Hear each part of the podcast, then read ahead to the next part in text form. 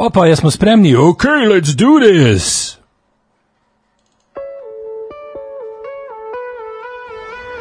Yeah! Zaboravio sam da pustim špicu, a sve je lepše sa špicom, pa ću zato da pustim špicu. Ovo je špica za emisiju, špica za emisiju, Špica za emisiju, špica za emisiju. špica za emisiju.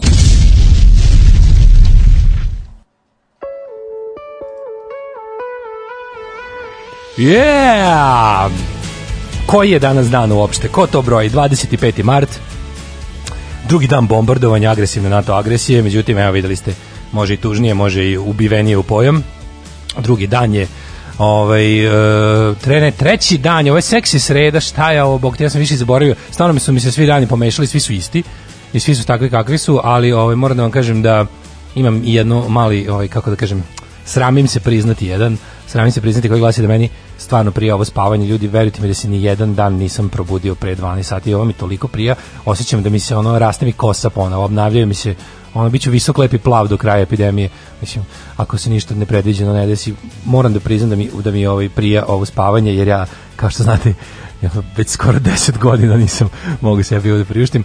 A u kombinaciji sa ovim cmoljavim vremenom mislim da je ovaj a, mislim da ništa pametnije nema ni da radi. Tako da kogod može da spava, kogod kao radi od kuće, a može i da ne radi od kuće, taj neka ovaj, iskoristi to, nek se naspava kao čovjek. Um, šta smo imali od juče novo? Pa juče mi u poslednje 24 časa nisu bila onako baš lepa. Imamo skok, ali očekivano. Imamo, imamo uh, što bi se reklo, nagli skok broja obolelih od koronavirusa. Kažu ljudi da je situacija, uh, iako su oni oboleli, registrovani, nisu ovaj, u kritičnom stanju, što je dobro, još nema potrebe za drastičnim merama nikakvim. Uh, moram da primetim nešto još, a to je da je ona slika sajma juče dosta uticala na ljude. Primetio sam da je jako puno ljudi ovaj, je boga mi se onako ozbiljno uplašilo. Ne govorim to u smislu da je to sad bila neka pedagoška mera, da ljudi treba se plašiti, nego jednostavno čekaj, neko se nije uplašio, videla se jednostavno juče od objavljivanja tih snimaka i slika i, i reportaža sa razmeštanja kreveta na sajmu Beogradskom, videla se, videla se jedan onako baš pa narodski rečeno skenjanost koja je potrala boga mi, ja mislim, ovaj pa držala ljude skoro do odlaska na počinak. Sad ne znam kako vi, da li je vama, to, o tome sam teo baš da porazgovaram, možete da pišete 0664422266. Da li su vama jutra ili večeri optimističnije ili sredine dana? Kako to kod vas ide? To je kao kada u danu kenjaš otprilike. Mislim, ovaj kada kada imate napad optimizma, kada imate napad malodušnosti, kada imate napad pesimizma, pošto u jednom danu se sve to smenjuje sigurno svakome, osim ako neko ne uspe da izgura ceo dan u jednom modu. Pa me zanima kako je to kod vas. Ja ću vam pričati kad se ovaj, vratimo, nakon što poslušamo jednu pesmu. Ovaj idem da naspem sebi nešto za, za, za lizat čašu celu emisiju i ovaj ja slušamo Caesarse, odličan švedski bend. Uh, ljudi ne da znaju da naprave stvar, nego znaju da naprave stvar. Evo hitić odličan.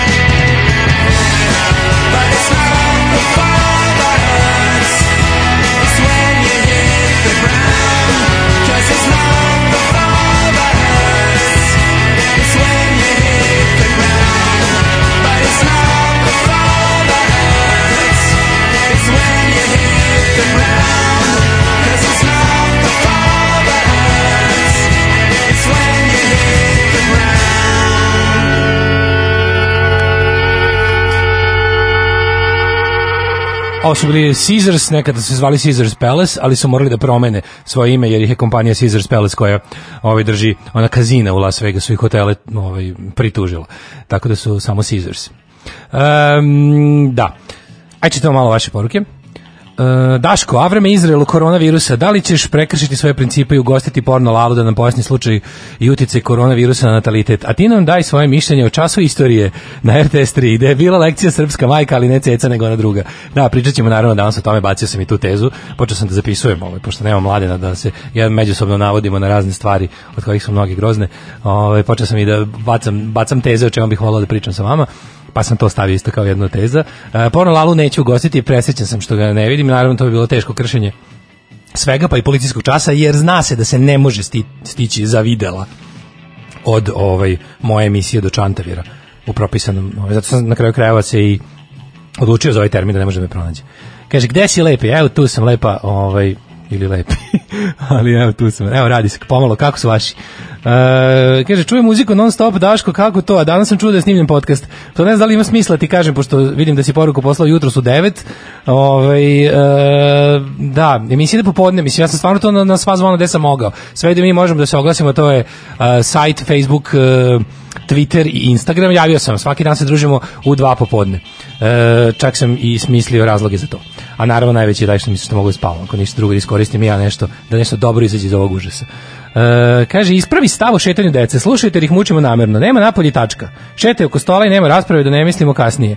Kaže, ovaj, naučili su na pamet ovog vašeg auto DJ-a, sviđa im se, rekao Zoli je to.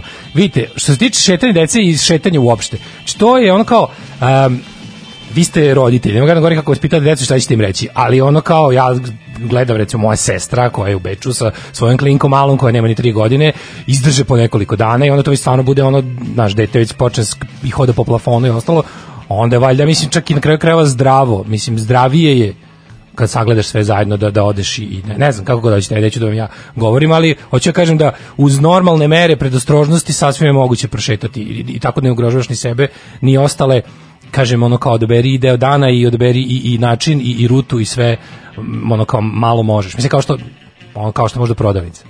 Ovaj pa kaže ovako. Uh, molim te, izbaci srce na cesti sa playliste. Remiti mi koncepciju. Molim te, ja živim u Irigu, znaš koliko je to jadno, pritom sam iz Leskovca.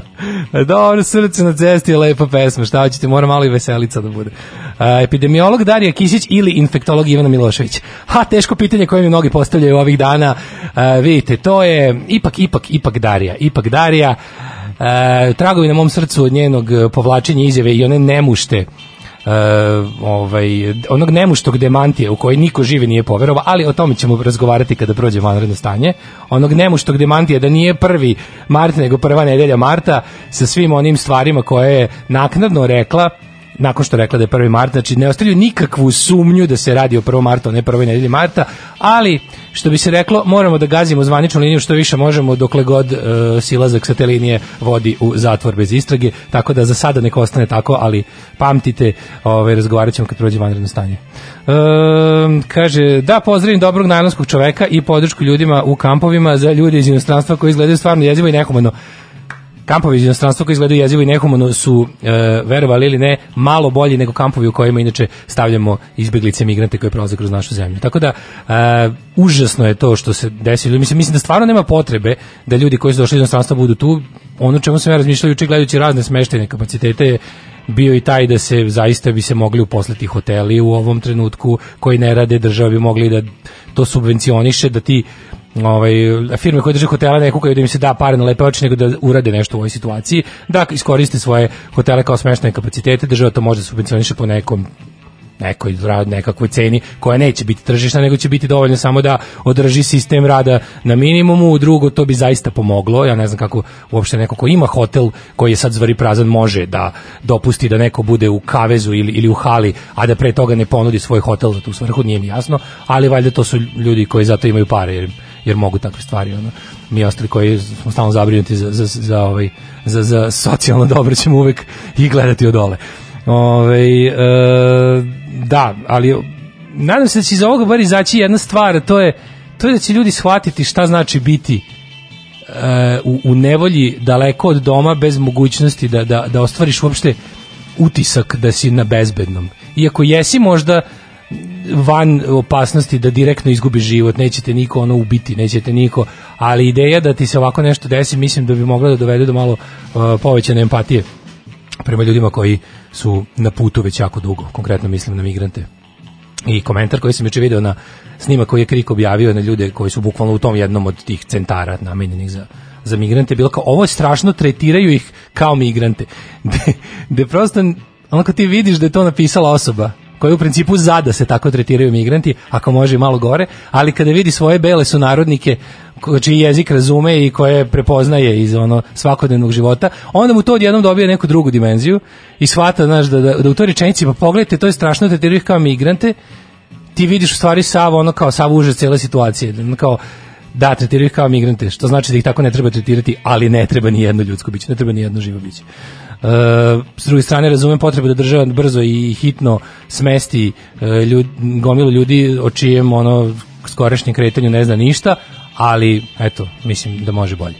Uh, tu je Ludo Prase sa nama, drago mi je. Uh, sedi kući u ovoj crtaj, crte autiće, budimo što hoću, hoću nedeljno sedam dobrih autića nacrtanih, ali onako do detalja dobrih. Uh, pokušaj šarmiranja apotekarke. Dobar dan, ili imate nešto za dezinfekciju, dezinsekciju deratizaciju ruku? Apotekarka kaže, za prvo dva nemamo, a za deratizaciju je dovoljno da pustite pacova iz ruku da, uh, pa priznite se šviš naložio kad je tako pametno odbrusila. Mislim, ja znam da ja bih. Um, do, jutro je divno, kafa čujem se s ekipom iz firme, radimo preko neta, u 14 podigne raspoloženje Daško, oprostim se s ekipom u 16, raspoloženje opadne, aplauz u 20 časova meskenja i u 22 bih se tamo naobesio. To kad hoćeš da se obesiš i do krevet i pusti nešto, čitaj nešto, sat, dva, to ti je lepo tamo komica nekad, onda pre, pregrmeo si taj dan sutra i ovo na novo. Ovaj kaže secka stream. Pa moguće da negde negde ovaj secka. Ja vidim da je ovde internet konekcija dobra i nije mi ni jednom prijavio nikako secka, tako da moguće da do vas koji ovo primate do vašeg provajdera ili do vaše konkretne uređaje, ali ovde sve šljaka kako treba. Ovaj frka me hvata od vesti. Kada obavljam nešto po gradu vidim da život ide dalje, pa me to sviri. Ovaj ajde čujemo malo jednu pesmu pre nego što krenemo u vaše iskustva, da vidimo kako ćemo i šta ćemo. Ove, da čujemo jednu pesmu Bruce Springsteena sa albuma Magic. Ova pesma koju je on napisao nakon onog jednog strašnog perioda u Americi kad je bilo to, kada su se desile gomila ono kao loših stvari za, za normalne i dobre ljude, se desila gomila loših stvari. Prvo je bio taj napad teroristički, pa je to sve bacilo zemlju u desno, pa je to sve bacilo zemlju u nekakav strah i očaj, paranoju. Uglavnom učinilo je dosta lošeg i Bruce Springsteen je El Trubadur, spasilac nacije, savez straničke klase i duh Amerike. I on je napisao ovu pesmu koja se zove Long Walk Home i koja je onako baš ovaj, primenjiva, globalna je onako, ovaj, pa da čujemo, ja, ja obožavam ovu stvar. Ako optimistično, nekako setno optimistično.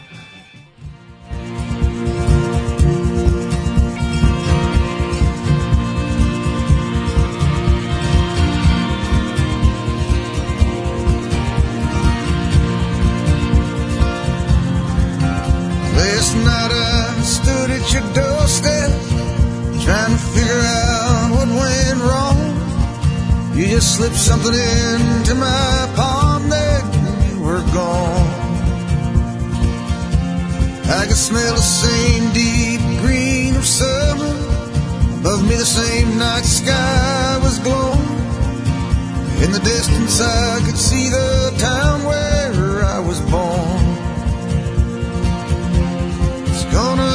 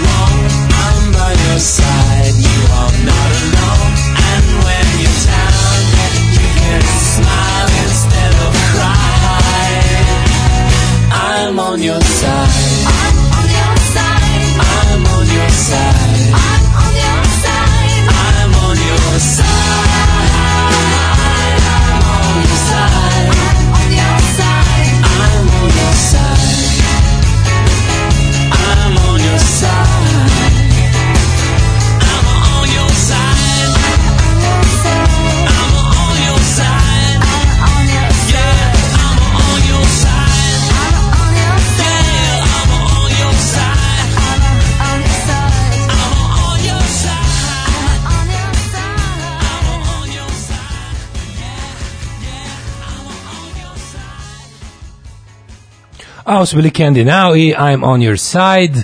Um, kažete ovako, frka me hvata od vesti. Kada obavljam nešto po gradu, vidim da život ide dalje pa me to smiri. Ne plaši me bolest nego kriza koja će nastupiti posle. Radim sezonske poslove pa se plašim da će biti manja ponuda poslova, pad dnevnica, navala, otpuštenih radnika na tržište, a Vučka nam ostaje trajno na vlasti. Da, ne znam, razmišljao sam ja o tome koji će sektori poslova biti pogođeni. Ali opet s druge strane, naš razni ekonomisti pričaju razno. Od priča do od priča da će, mislim, neminovno je da će nastupiti recesija, kriza, e, da će posle ovoga, mislim, nakon ovog pada, ali u ekonomiji je to dosta čudno, što nakon velikih padova slede i oporavci, ono kao kada, kada spustiš da sve rikne, kao što mi trenutno moramo da pustimo, dosta toga će da rikne, ali kao što vidite život se nastavlja u nekim sektorima. Ono što veliko što šči, da će se odsustvo ljudi sa poslova osjetiti, će definitivno pasti. To će onda, pošto je to jel, sistem spojenih sudova, sve će to povući druge neke stvari, ali kada to sve padne, onda opet poslovi na obnovi su ovaj, jako važni. Sad, pametna društva momente nakon velikih kriza znaju da iskoriste, glupa društva ne znaju. Mislim, kako da vam kažem, ono, posle drugog svetskog rata, kao verovatno najveće pojedinačne katastrofe koje je zadesila ljude u, ovaj, i što su zapravo ljudi uradili drugima, ali mislim videli ste kako se razvijao jedan deo sveta, kako drugi, na koji način to shvatiš, znaš, neću sad da pričam o tome da je ono, da je haos razvojna šansa, ali može se brže, može se sporije, može se pametnije, može se gluplje. Mislim, ja ne sumnjam da ćemo mi odabrati najgluplji mogući način, ali ovaj, važno da ovo prođe, jer posle, posle ovog velikog sranja, znate ono što sam pričao juče, kad prestaneš da se udaraš čekićem po prstima, ide onaj jedan period da si samo srećan što je prestalo, ovaj, presta, prestalo udaranje ovaj čekićem. Tako da ćemo imati jedan sigurno period optimizma nakon ovog teške, teškog bunara, koji će biti onako dosta čudan, ali razmišljao sam o tome koji će poslovi biti pogođeni, koji će biti manje pogođeni, da li će doći do nekakve promene u, u, uopšte celoj toj paradigmi radnog po, po tržišta rada, poslova, da li će ljudi shvatiti šta su, šta su bitne stvari, šta su nebitne, šta je doprinosilo situaciji koja je dovela da, da, da sistem brzo padne, šta, je dopri, šta doprinosi trajnoj stabilnosti, šta je pametno, šta je ekološki održivo, šta, koji sistem je sistem koji u ovakvim situacijama dodatno dehumanizuje, a koji sistem je sistem koji u ovakvim situacijama pruža nadu i šansu i sigurnost ljudima, o tome ćemo razgovarati kada sve ovo prođe, za sad samo je važno da prođe. Ove, neko je rekao ovde, kaže, Šta znam, meni isto, uh, ceo dan. Koronu vidim kao ultra anarho, levicu i eko-friendly saveznika. Svet će biti bolji posle pandemije. Pa ja ne mislim da će svet biti mnogo bolji posle pandemije, ali to eko-friendly saveznik, ne znam, takve priče uglavnom čitam sa nekakvih ono internet sajtova i, i glasila sa koje sam navikao da, da, da pregledam u svrhu praćenja neprijatelja, a ne od prijatelja. Znači, te nihilističko mizantropske priče, taj neki je, kako se naziva ekofašizam, taj nekakav ono briga za prirodu s desničarskih pozicija mi nije baš bliska i te gluposti tipa ono kada Idris Elba napiše mi smo virus, planeta i organizam, mislim to su sranja i gluposti Istina je da je naravno naše smanjeno šte- štetočinsko delovanje godi ekosistemu i da to što manje lete avioni, manje vode, voze kola će naravno dobro se odrazi, ali mislim, kako da vam kažem, ja sam na prvo mesto humanista i planeta Zemlja me zanima samo sa ljudima na njoj. Nisam ovaj, ljubitelj prirode kao takve, nego sam ljubitelj čovečanstva. Mislim, takav ću uvijek i biti. E, pa onda ovako, ovaj, e, Darija, Darija Bizgović posvetio pesmu. E, prisutno na času, najveći optimizam je čašu vina uveče, 2-3, i sreća oko neustajanja sutradan u određeno vreme. Najveći sken je uključivanje laptopa, ipak, kaže Cmoka. Kasnim, izvinite, nastavniče, nisam čula alarm, idi sedi tamo u zadnju klupu, sad ću ja doći s lenjirom. Ovaj, pa kaže ovako, ujutro sam sjajno, prijem izolacija, radim vežbe, trčim na traci, opa, ima se traka, zdravo se hranim, preko dana puno crtam, oko 22 časa se i meni besi, Uh, otpočnem partiju, pa pustim Avengers ili neki drugi glupi blockbuster koji nikad ne bi gledala, skrene misli, zaspim i sutra opet iz početka. Uh, kaže, malo da preskočimo čas, stevice i ženja iz zadnje klupe, ajde sedite, možete se zabaviti jedan drugog, ali da vas ja ne čujem i ne vidim. Ove, podrška iz Skoplja, čuvamo razum i jedni drugi, pozdrav za Skoplje. Um, Skoplje grad heroja, vi ste se bar, ono, vi, Skoplje bar kroz istoriju vidjelo sranja. Ove, e, da li danas očekujemo od sam mladina direktno iz WC-a ili da idem da kitim jelku? Pa vidite, ja sam uputio po, na nebo sam onaj signal M sam kao za, Batman, kao za Batmana ovaj, sam upalio, sad valjda će vidjeti, nema veze što je dan, treba da ga prizovemo. A, pa onda kaže ovako, ovaj, kako u danu dođeš iz statusa ja bi migrante zaustavio i okružio bodljikavom žicom u status jao, ovo nije ljudski, strpali nas u kaveze. A u otačbini samo što nisu krenuli protesti, stop gastosima. Život je zajebant teški. Da, to je baš to, baš to što, što si rekao. A, ovaj, život čudne knjige piše, što bi se reklo.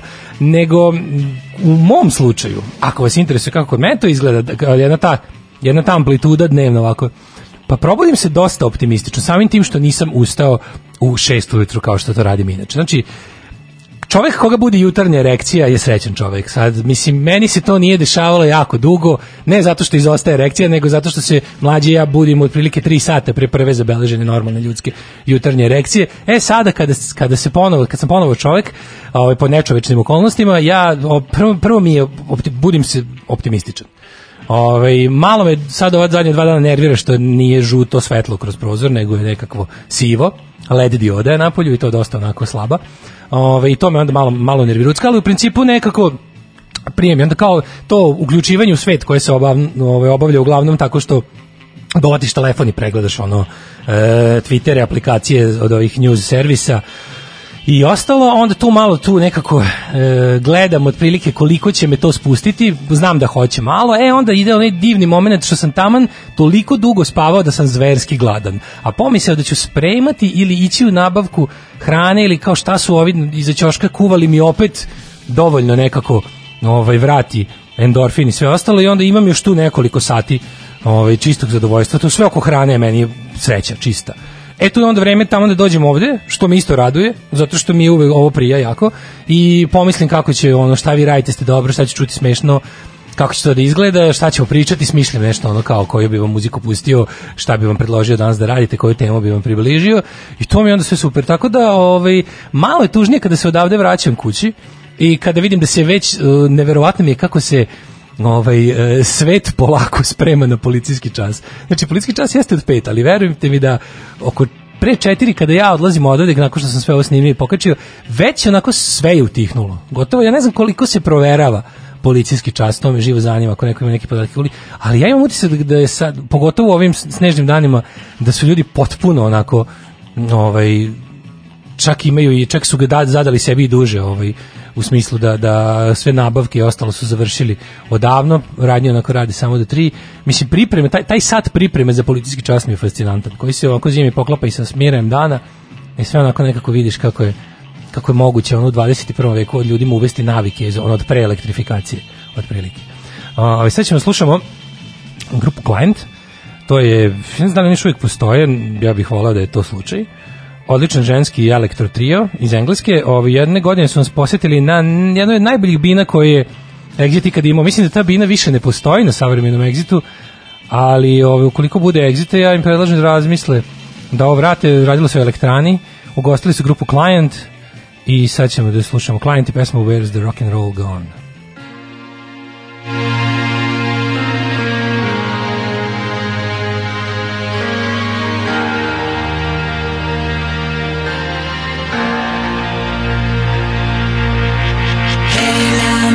Where's the rock and roll gone? Hey now, now, where's the rock and roll gone? Hey now, now, where's the rock and roll gone? Hey now, now, where's the rock and roll gone? Hey now, now, where's the rock and roll gone? Hey now, now, where's the rock and roll gone? Hey now, now, where's the rock and roll gone? Hey now, now, where's the rock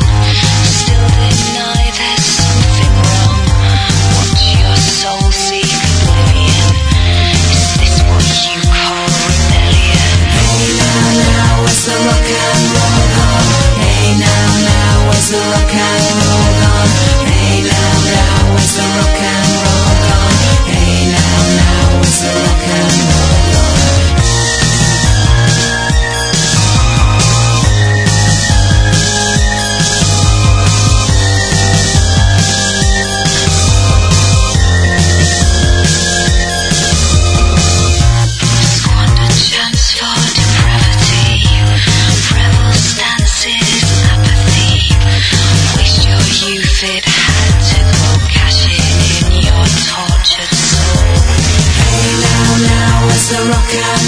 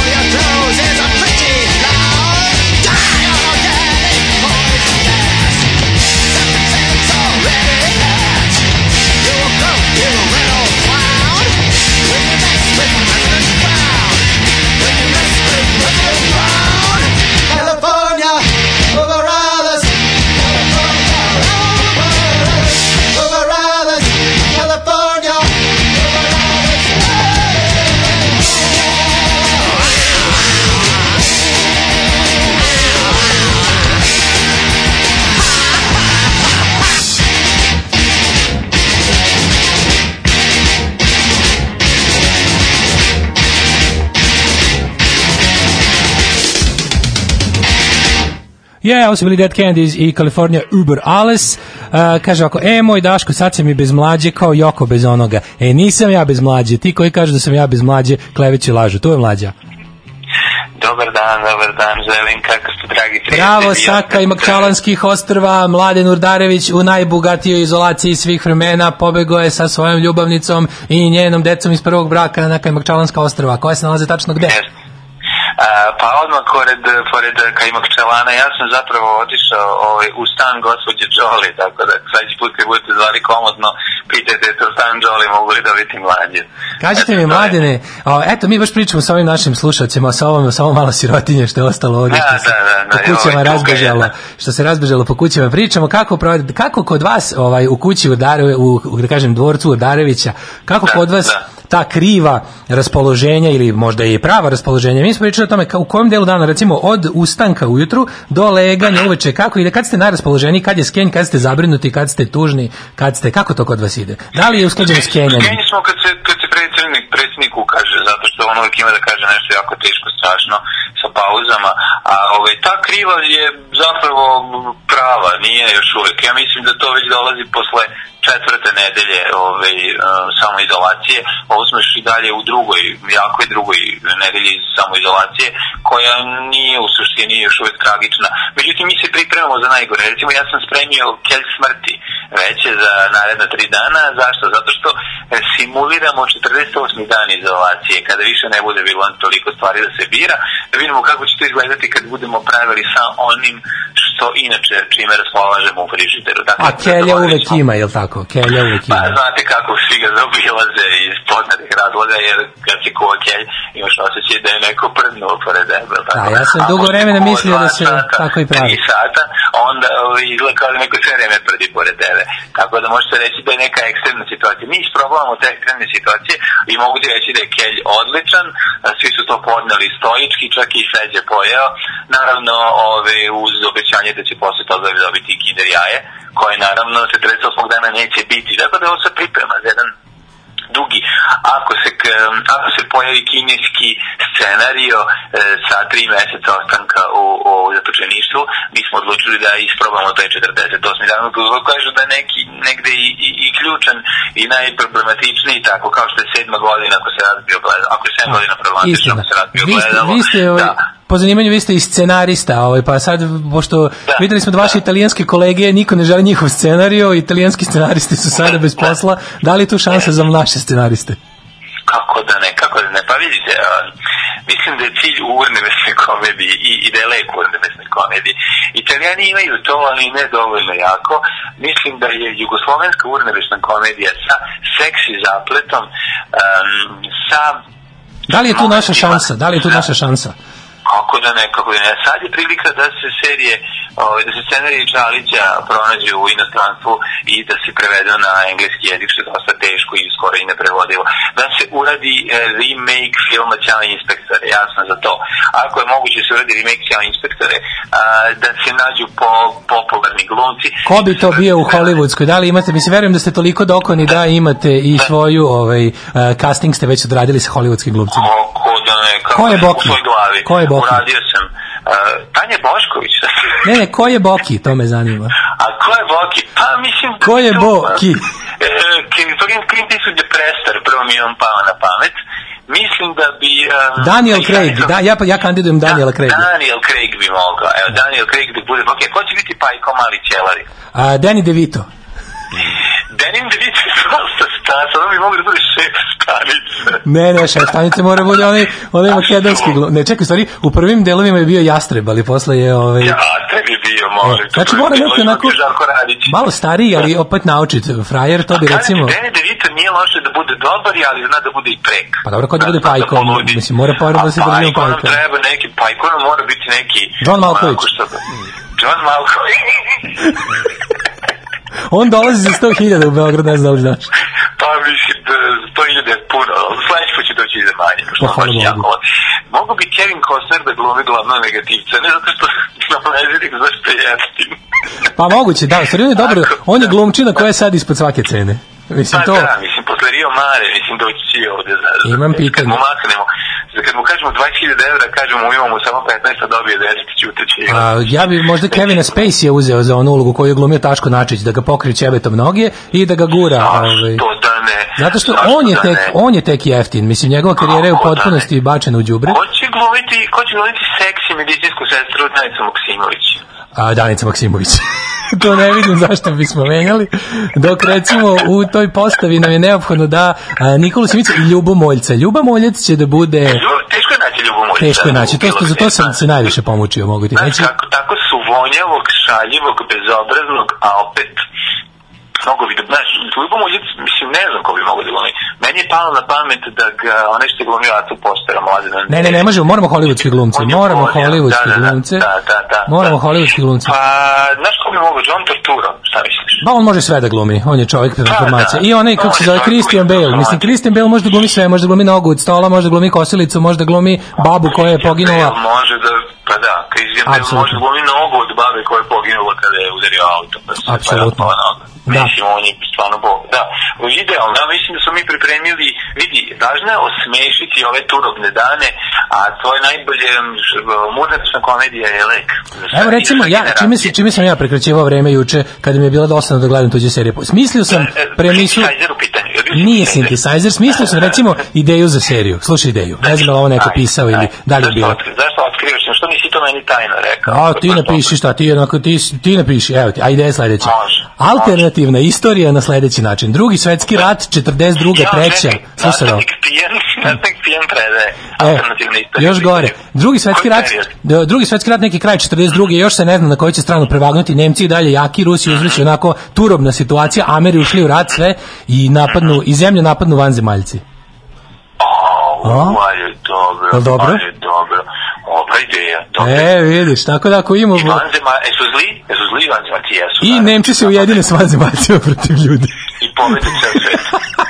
ne, nego ono kao, šta bi se desilo, nekakva ono kao Ali na kraju nacije oni pobede zajedno sa Ne znam šta će biti, još Ali, nisam- to možemo dalje ali, da pričamo. Nije dobra ideja. Bolje je da počne 44. pa što? uvek, znači, pa zato da onda ulete za Nemce.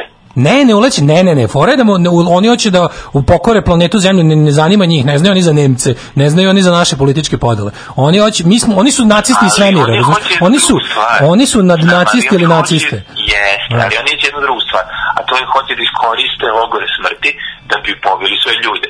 Ne, oni A hoće, oni hoće će da mi budemo, oni njima celo čovečanstvo su jevreji, razumeš, to je fora. Da, pa to E sad kao, kraj. Nemac mora da osjeti da je jevrej na kraju. To je da, poenta serije. to je to je fora, ali fora da sad sve te A, kao da, te dobre u tom pazi 42. nemačke trupe su još nap, no jake su, znaš kao na, opasni vojnici, ono sve. Dosta E, najjači su bile. To ti kažem. I onda sad kao oni svi moraju jednom sad šta je nova situacija, kao nove, nove, nove okolnosti. Eto, to, to je moja ideja. ideja odlično. Evo, ja ću da zaštitim u, u čim pošaljem mail ovim u, u zavodu za Molim te. svojinu. Evo, inače, Ideja dobili smo i ko će biti Ljubo Moljec, Saša Baron Cohen. Odlično. Odlično, super ideja. Mislim, idem ja da pišem. evo, Ajde, piši, molim te, da, i, Pa, ovaj, pa, po- Pa ću ti čitati sutra, ti prvu epizodu. Važi sutra pilot epizoda i molim te prve, pro, luftirajte smrdi kroz telefon. Važi. Od kelja, od kelja, od kelja. Ćao, ćao, ćao. Ćao. Ah, bio ovo otac mladen, specijalno javljanje. Ehm, da, evo, vidite kakav sajam kreativnosti se ovde dešava u glavama ljudi. Ove, slušamo Electronic i Dark Angel.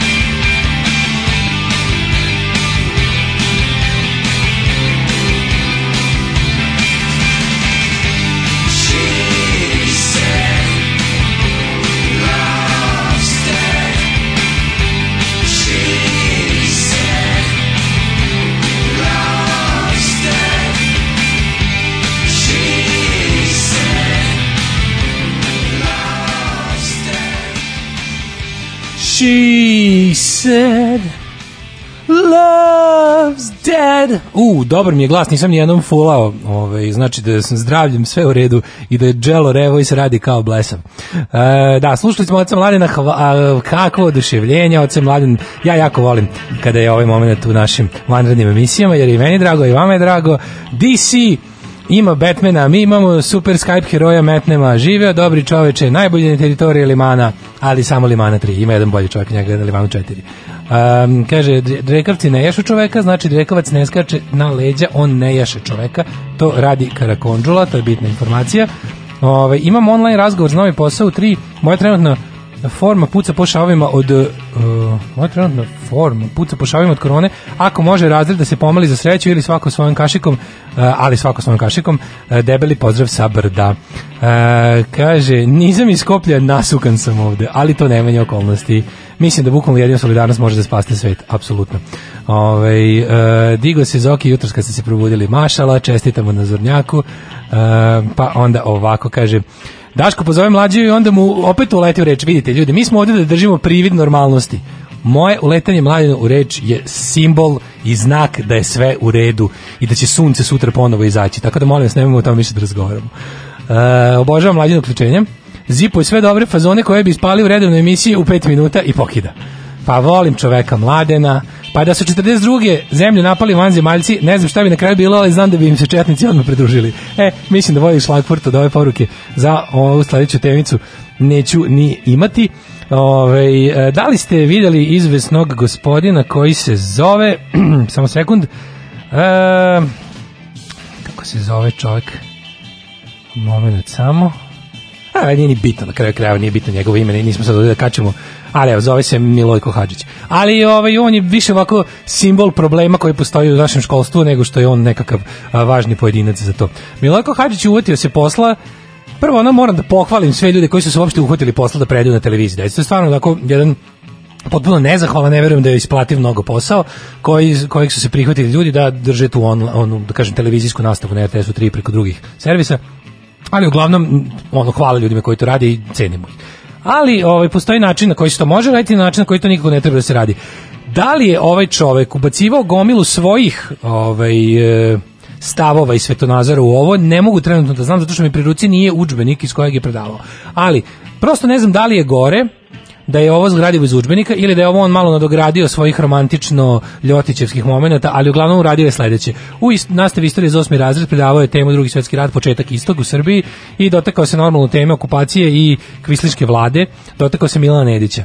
I onda usledio jedno jedno i po minutni hvalospev Milanu Nediću, verovatno najsramnijoj figuri u istoriji srpskog naroda, i uopšte u istoriji Srbije i uopšte u istoriji bilo čega što je bila država na ovom prostoru. Jedan stvarno ja ne znam što, ono kao uz, uz, uz još nekoliko mračnih primjera za, zaista za sva vremena simbol onog najgoreg u, u, u, u narodu. Međutim, on je to predstavio, Milojko je to predstavio ovaj, nakon aprilskog rata, Milan Nedić je, eto, prihvatio se tog nezahvalnog zadatka, prihvatio, prikazuje kao nekakvog romantičnog heroja koji gine za otačbinu, znajući da će ga, eto, istorija malo popreko gledati zato što je morao da prihvati taj nezahval, kao, a neko je morao, a eto on je morao, pa ga prihvatio njega prvo preuveličavši njegovu ulogu od preokupacije toliko da, ne znam, je ispao, ono, verovatno je teo da ga poredi sa Petenom i onda je teo da napravi od Nedića nekakvog, ovaj, da mu stvari da nekakav pijedestal sa kojeg je mogao da padne početkom drugog svetskog rata. Što u ovom slučaju nije tačno. Mislim, general Nedić jeste bio ono, general, otaču vojnik od karijere, pre toga i jeste učestvovao u prvom svetskom ratu. Sve, ali mislim daleko da je bio nekakvog, ono, ne znam, ne znam, ne znam kakav ono, ovaj, svima dobro znani junak. E, njegovo držanje u aprilskom ratu je bilo krajnje sramno i sve to što je sledilo, znači on je nemački čovjek bio daleko pre onoga što su mu Nemci ovde poverili i ta cela priča oko toga da on eto nevoljno se prihvatio nečega je teška laž. To da li on ono klevao dva dana ili nije pa pozvao na kraju Nemci i rekao da ja ću da budem vaša lutka u kojoj ćete u čiju ruku u čije dupe ćete gurnete ruku i da govorimo ono što vi želite. To je manje bitno. Bitno je da je general Nedić zajedno sa pripadnicima zbora i nemačkom celom petom kolonom bio dušom i srcem uz nacionalsocijalizam on je bio srpski nacista. On je bio srpski antisemita, on je bio srpski antikomunista, on je bio znači pobornik istih ideja koje je zagovarao Hitler. On je sebe video kao ekspozituru nacionalsocijalizma u Srbiji i tak sa tih pozicija i nastupao. druge priče o nekakvom e, romantičnom spasavanju Srba iz Hrvatske i, i ovaj, ne znam, prognanih Srba iz te, sa teritorija Bosne, NDH tadašnje, pa i Slovenije i tako. Mislim, to su priče to su priče koje stvarno ni na koji način ne pokazuju ništa veliko o Nediću, zato što te, ti, te kolone izbjeglice bi apsolutno primio svako ko bi se u tom trenutku našao na čelu Srbije, zato što su Nemci to dozvolili. Da to Nemci nisu dozvolili, ti Srbi bi isto tako bili vraćeni nazad pod ustaški nož. To su potpune gluposti da je on nešto tu posebno se zauzeli tako nešto. To su naravno neviđene laži. Drugo, ideja da on spasavao biološku supstancu Srba, kako je to napisano zaista u udžbeniku što ja sam vidio svojim očima, e, je potpuno suludo kada se posmatra u kontekstu njega i njegovog ideološkog djelovanja. Mislim, to to da se da se da je, da je ispravno nekoga naučiti da je da je dobro poturiti Roma, Jevreja ili ili borca protiv okupatora, bilo kakvog antifašistu, umjesto onog što oni nazivaju Srbinom. Sama definicija Srbina nije, ovaj, ne slaže se sa mojom definicijom Srbina. Znači, e, definicija Srbina koju je imao Milan Nedić nije humanistička bilo kakva definicija e, pripadnosti jednom narodu. On je, za, on je Srbima davao nekakve ideološke, njegove ideološke karakteristike da bi ih uopšte smatrao vrednim um, srpstva, a samim tim i života. I to koliko su oni ljudi poturili ovaj pred cevi okupatorima i ubijali za račun okupatora i to što su oni predstavljali da da bi ono kao on spasao Srbe tako što bi podmetnuo jednaki broj Roma ili Jevreje ili ne znam ako već kako su nacisti gledali pa je trebalo možda poturiti troje četvoro za jednog Srbina. Se to samo do- dodaje na njegovom na njegove monstruoznosti i zverstvo, a ne na tome da će da ga prikažemo kao spasioca bilo čega. Znači, jednostavno je neverovatno da u ovakvim okolnostima, kada mi sada prvi put imamo zapravo priliku da vidimo, mi koji smo odavno završili školovanje, mi sada prvi put imamo priliku da vidimo kako izgleda nastava u srpskim školama. Ako se opet ja ne mogu da znam zato što nemaš čime da uporedim i nisam nikakav prosvetni inspektor, ali ako, ukoliko je nastava izgleda onako kako ovaj se ti nastavnici ponašaju sada pred kamerama, onda mi imamo stvarno jedan jako veliki problem u izučavanju ovakvih stvari.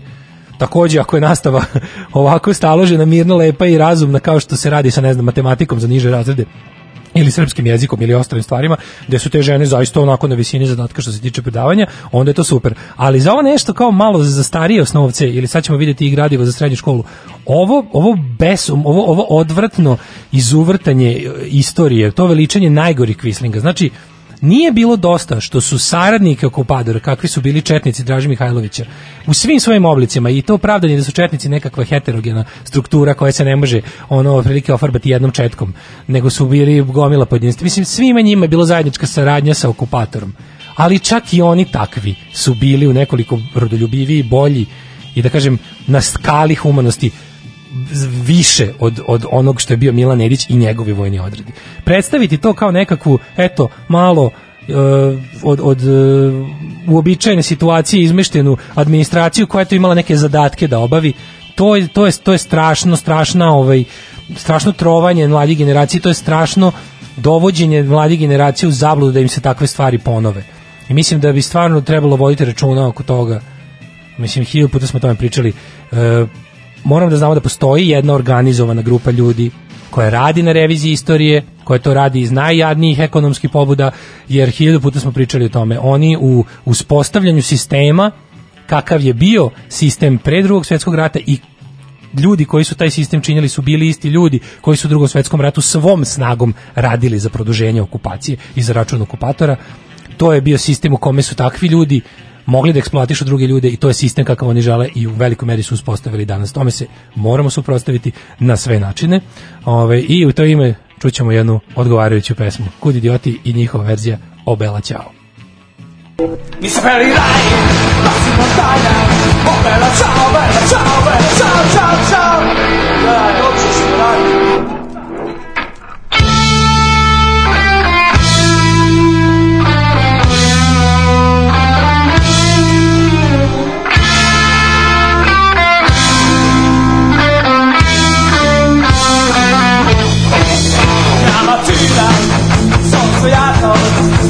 了唱，为了唱，为了唱，唱唱。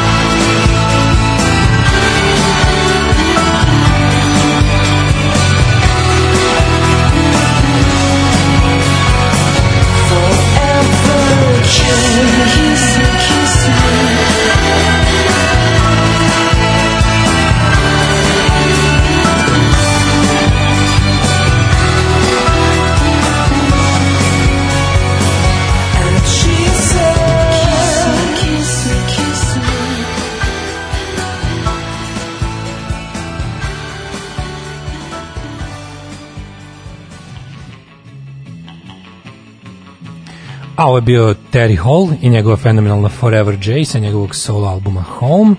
E, Terry Hall je inače pevač u specialsima.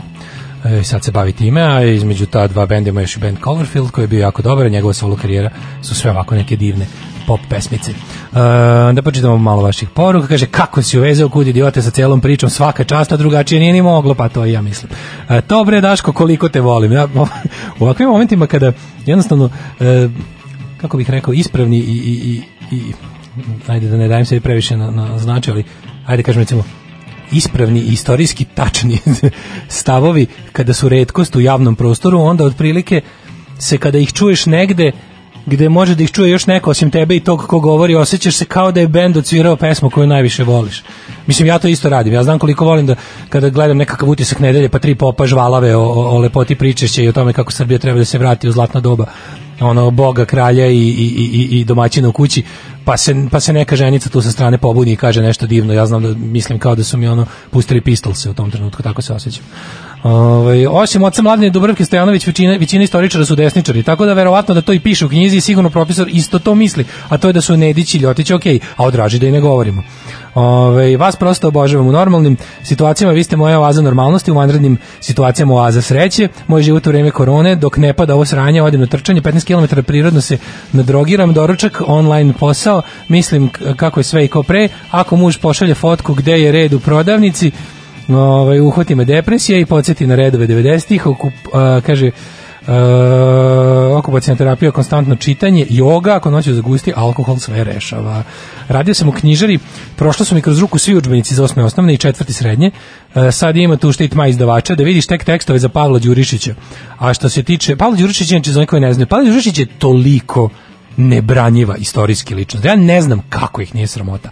Kako nedavače svetilja i molebandžije ili tijaše nije sramota da nose njegovu sliku. Znači, kad sam malo pre kad smo pomenuli ovo kao Nedić, mislim, to on je, to je u stvarnu rangu Nedić. On je jedini od tih četničkih komandanta koji je toliko bio u bulji Nemcima da su mu dali gvozdeni krst prvog reda. Mislim, to je stvarno onako svaka mu čast za trud za naciste. Mislim, to je, to je ratovanje za Hitlera kakvo nije ni svaki vojnik nemački prikazao. Mislim, ono dobar deo nemačkih vojnika nije ni prikazao ovde ovaj na ovom ratištu kad ih je već počeo bol, kad ih je već počelo boleti dupe Pavla Đurišića nije. E, što se tiče raspada Jugoslavije svi su krivi. Oluja, Oluja, bombardovanje Grdelica, o Srebrenici ni S. E, da, a kamoli G.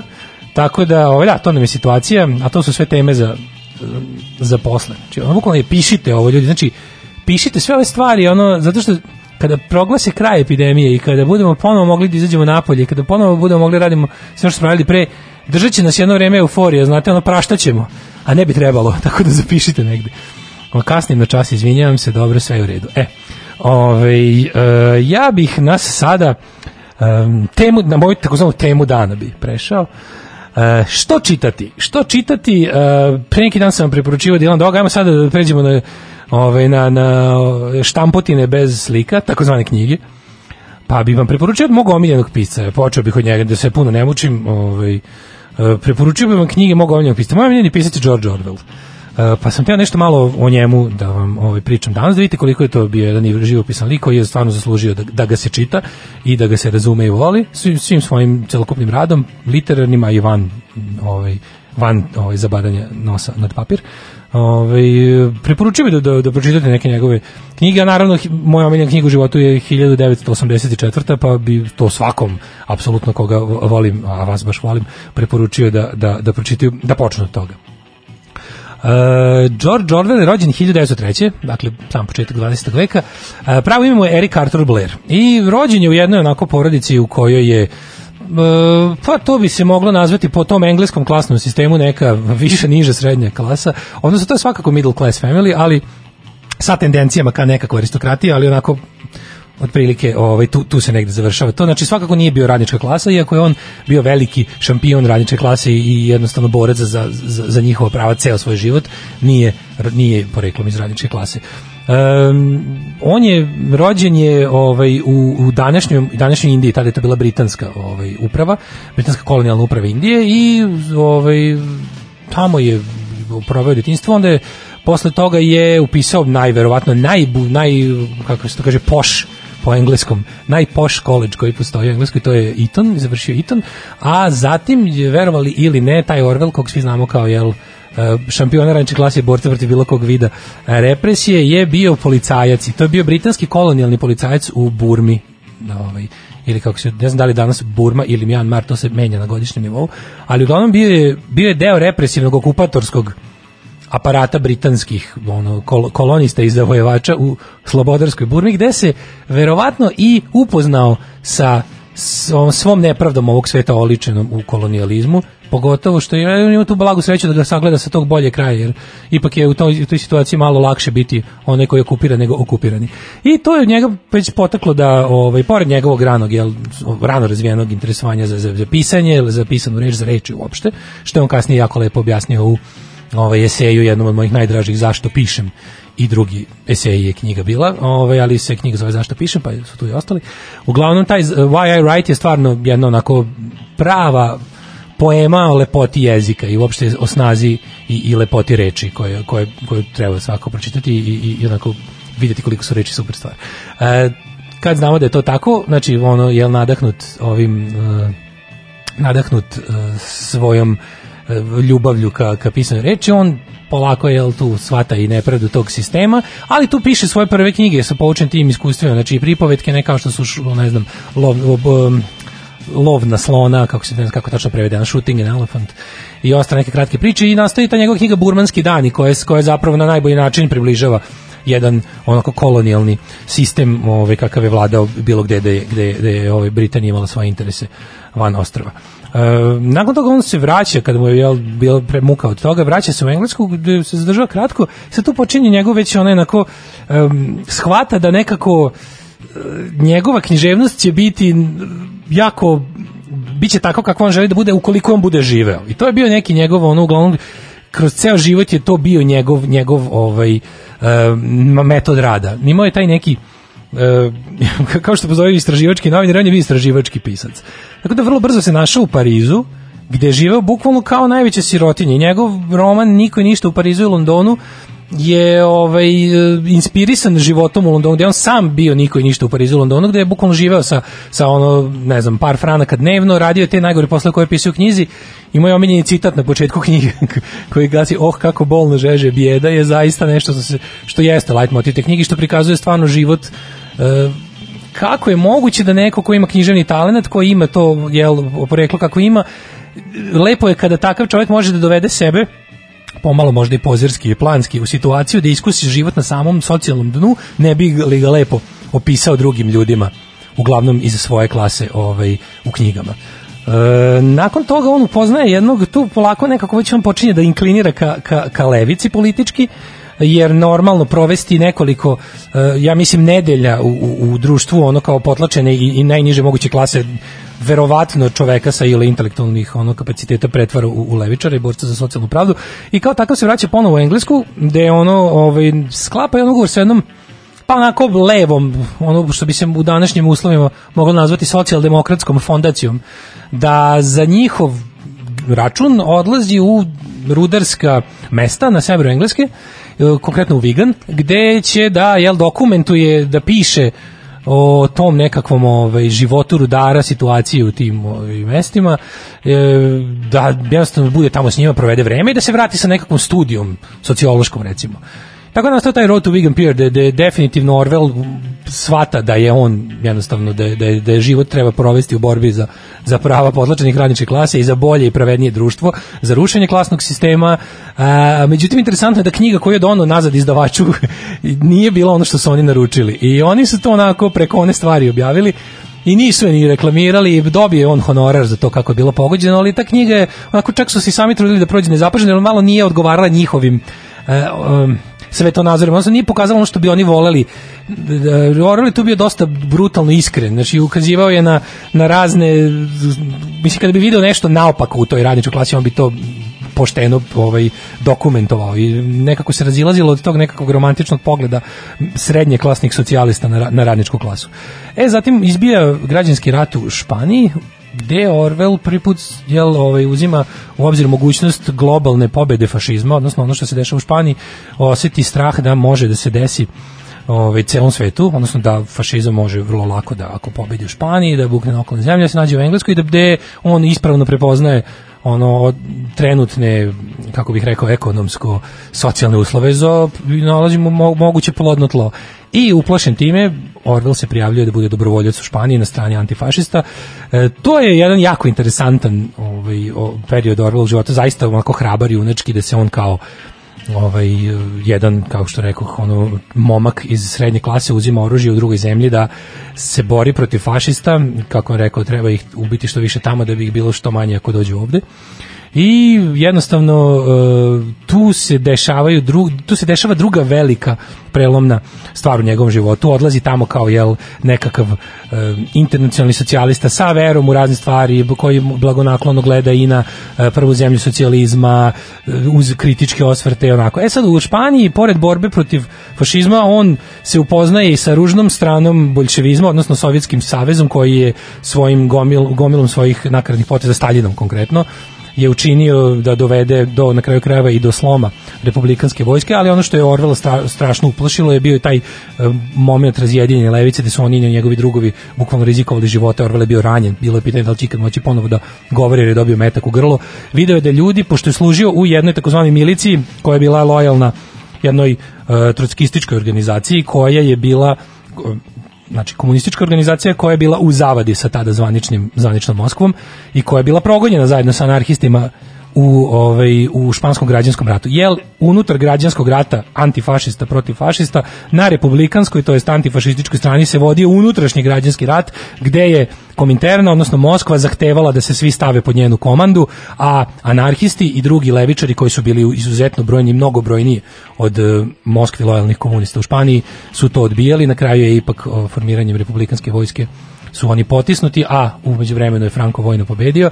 Orwell je razočaran dosta ovaj došao nazad, ali je ovaj u isto vrijeme i učvrstio svoja socijalistička uverenja. To je bilo interesantno da on tada izjavio da od Španije pa nadalje sve što napišem, sve što sam napisao i sve što sve što napišem je bilo protiv protiv fašizma, protiv totalitarizma, protiv neslobode, a za demokratski socijalizam onako kako ga ja zamišljam. To je su njegove reči i to je onako mene dosta bilo onako upečatljivo i to se nastavlja kroz njegove radove. Kasnije je napisao još, još neke ovaj uh, uh, značajne knjige, Svo, svoju najznačajniju knjigu po kojoj je najpoznatiji, 1984. je napisao poslednju. Uh, uvek je bio lošeg zdravlja.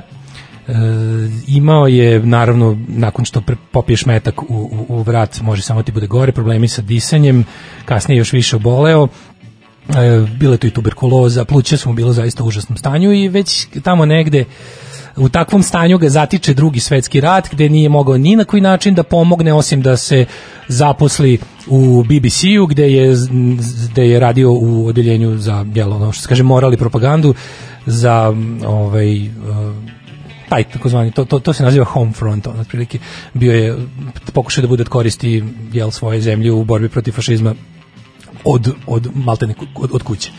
E, kraj rata ga je ovaj zatekao u lošem zdravlju, počeo je da nakon novih vesti koje je saznao šta se dešava u Sovjetskom savezu, kakva je tamo situacija, kolike je stepene slobode, napisao je 1984. kao nekakvu ovaj alegoriju na Sovjetski savez, ali kao što on rekao, hipote njemu nije bila ideja nikada da oblati ideju e, socijalne pravde, levice, socijalizma, nego mu je bila ideja da uvek ukaže na mogućnost e, stvaranja tiranije, neslobode i jednostavno njegov veliki strah je bio da, druž, da društvo nikad ne zapadne u situaciju kao što je totalna kontrola života e, ljudi u jednom društvu od strane vlasti kojoj je moć sama po sebi cilj i e, knjigu završio 1948. i odlučio da jednostavno zameni mesta, ovaj, permutira cifre, godine izdanja ovaj, i da je nazove 84. jer je to zamišljao kao neku daleku budućnost u kojoj bi sve te stvari mogli, do koje bi sve te stvari mogle da se dese. Ove, I nedugo nakon toga je, je preminuo, sad sve te njegove knjige su dosta objavljene po celom svijetu i životinska farma, koju nisam stigao da kažem ništa, ali ovaj, možda budemo imali vremena kasnije. Uh, knjige su zaista dostupne na svim jezicima, prevođenje gotovo na sve jezike. U Sovjetskom savezu 84. je bila zabranjena sve do perioda Gorbačova i glasnosti i onog otvaranja javnosti. E, knjiga koja je stvarno onako jedan, jedan dosta realan, a opet onako umetnički vredan i, i od majstorski napisan ovaj, uh, majstorsko napisano upozorenje i jedna, onako, jedna oda slobodi kroz zapravo ovaj, jedna od najjačih distopija. Uh, mnogi su se jel, ljudi nadahnuli tim njegovim radovima, pogotovo ovim, ovim uh, distopijskim delom i 1984. u punk muzici je, ono, punkeri vole Orvela jako i nekako u mojoj glavi je to isto povezano uvek bilo Orwell i, i punk e, već sam bio mladi punks kada sam čuo za Orwella, kada sam uzeo da čitam 84. ali je to nekako bilo interesantno. Ono, punk me jeste doveo do Orwella, ali me Orwell gurno dublje u punk i, i bilo mi uvek zadovoljstvo da otkrivam kako bendovi i umetnici koje ja volim imaju istog omiljenog pisca kao ja. Uvek mi je to bilo interesantno, pa sam onda otkrio da je to bilo i i, i pre punk roka i svega toga da je u stvari njegovo Orvelovo delo uvek inspirisalo umetnike, ne samo muzičare, nego i ostale. Snimljeni su i razni filmovi, gomila u velikovnih umetnika se time isto ovaj, napajala. Sad ćemo čujemo Davida Bovija, koji je verovali ne hteo da postavi e, musical i da snimi film i da postavi muzičku ovaj musical u pozorištu po 84. iz nekog razloga se nije uspio dogovoriti sa Orvelovim izdavačom i onima koji su u to vrijeme imali copyright na na ta um, Orvelova dela, među kojima je 84. I onda je nastao njegov jedan od najboljih albuma iz 70-ih, to je Diamond Dogs, koji je inspirisan, koji je trebao da bude zapravo. I sad na koji način je on to posle pretabao da bude to što je želeo, a da ne bude u direktnom kršenju copyrighta, to je i diskutabilno, ali ostala je pesma inspirisana, kako on kaže, direktno 84. Zove se Diamond Dogs, pa evo je.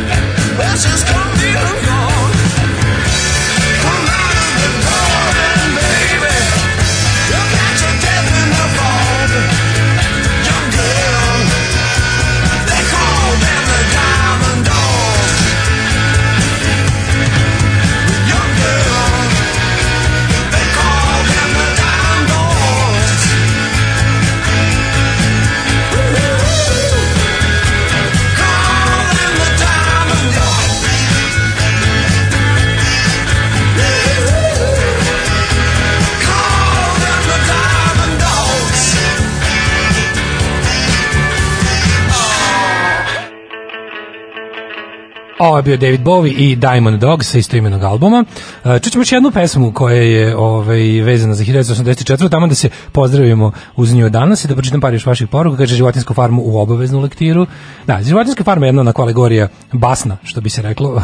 Dugačka basna o e, prodanoj revoluciji, najkraće rečeno, odnosno o tome kako je neko iz najboljih namera krenuo da menja sveta, napravio nešto još gore zato što su oni koji su hteli da promene nešto zapravo se pokazali kao gori od onog što ovaj, su hteli da promene, ali u isto vrijeme interesantno je da kod Orwella nikada nemate žaljenje za time što je revolucija pokušana. Znači nikada Orwell ne kaže nemojte ništa dirati ovaj, zato što je bolje da ostavite stvari kako je. Ne, nego samo pazite da se ne izvrdi u svoju suprotnost. E, pa kaže ovako, čita sve od Orvela, omiljeni smo i burmanski dani i Kataloniju čast. Da nije izbilo ovo sranje s pandemijom, ne bi ni znao da se moj način života zove e, karantinski. E, morate da vratite normalnu emisiju, samo prilagodite prilikama, mi ćemo razumeti. Ljudi, vratit ćemo čim budemo mogli. Mislim, ja stvarno, ono, i verujte mi da mi užasno nedostaje, pored toga što sam rekao da mrzim da ustajem ujutru, ali je to stvarno mala cena za ono koliko ja volim ovo što radim i koliko volim da se vidim s mlađom svaki dan i koliko želim da se on što pre vrati. iz tamo gde je. Ove, um, kaže, ime je ona Under the Spreading Chestnut Tree, čuo sam je davno na pokojnoj B92 za vašeg vakta, da to je pesma s kojoj je završio život glavni junak ovaj, 1984.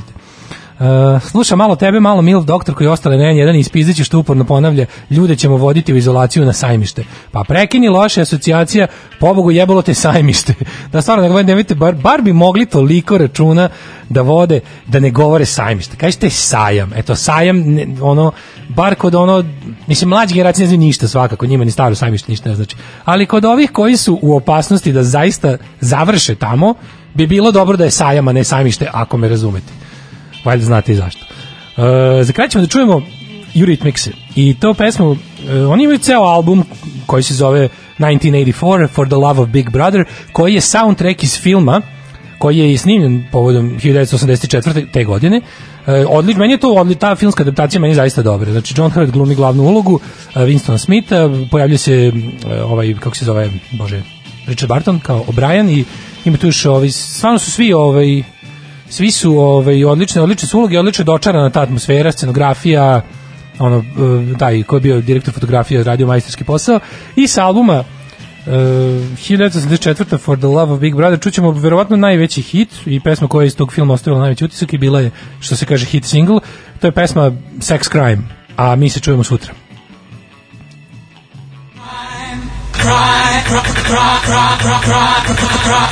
Always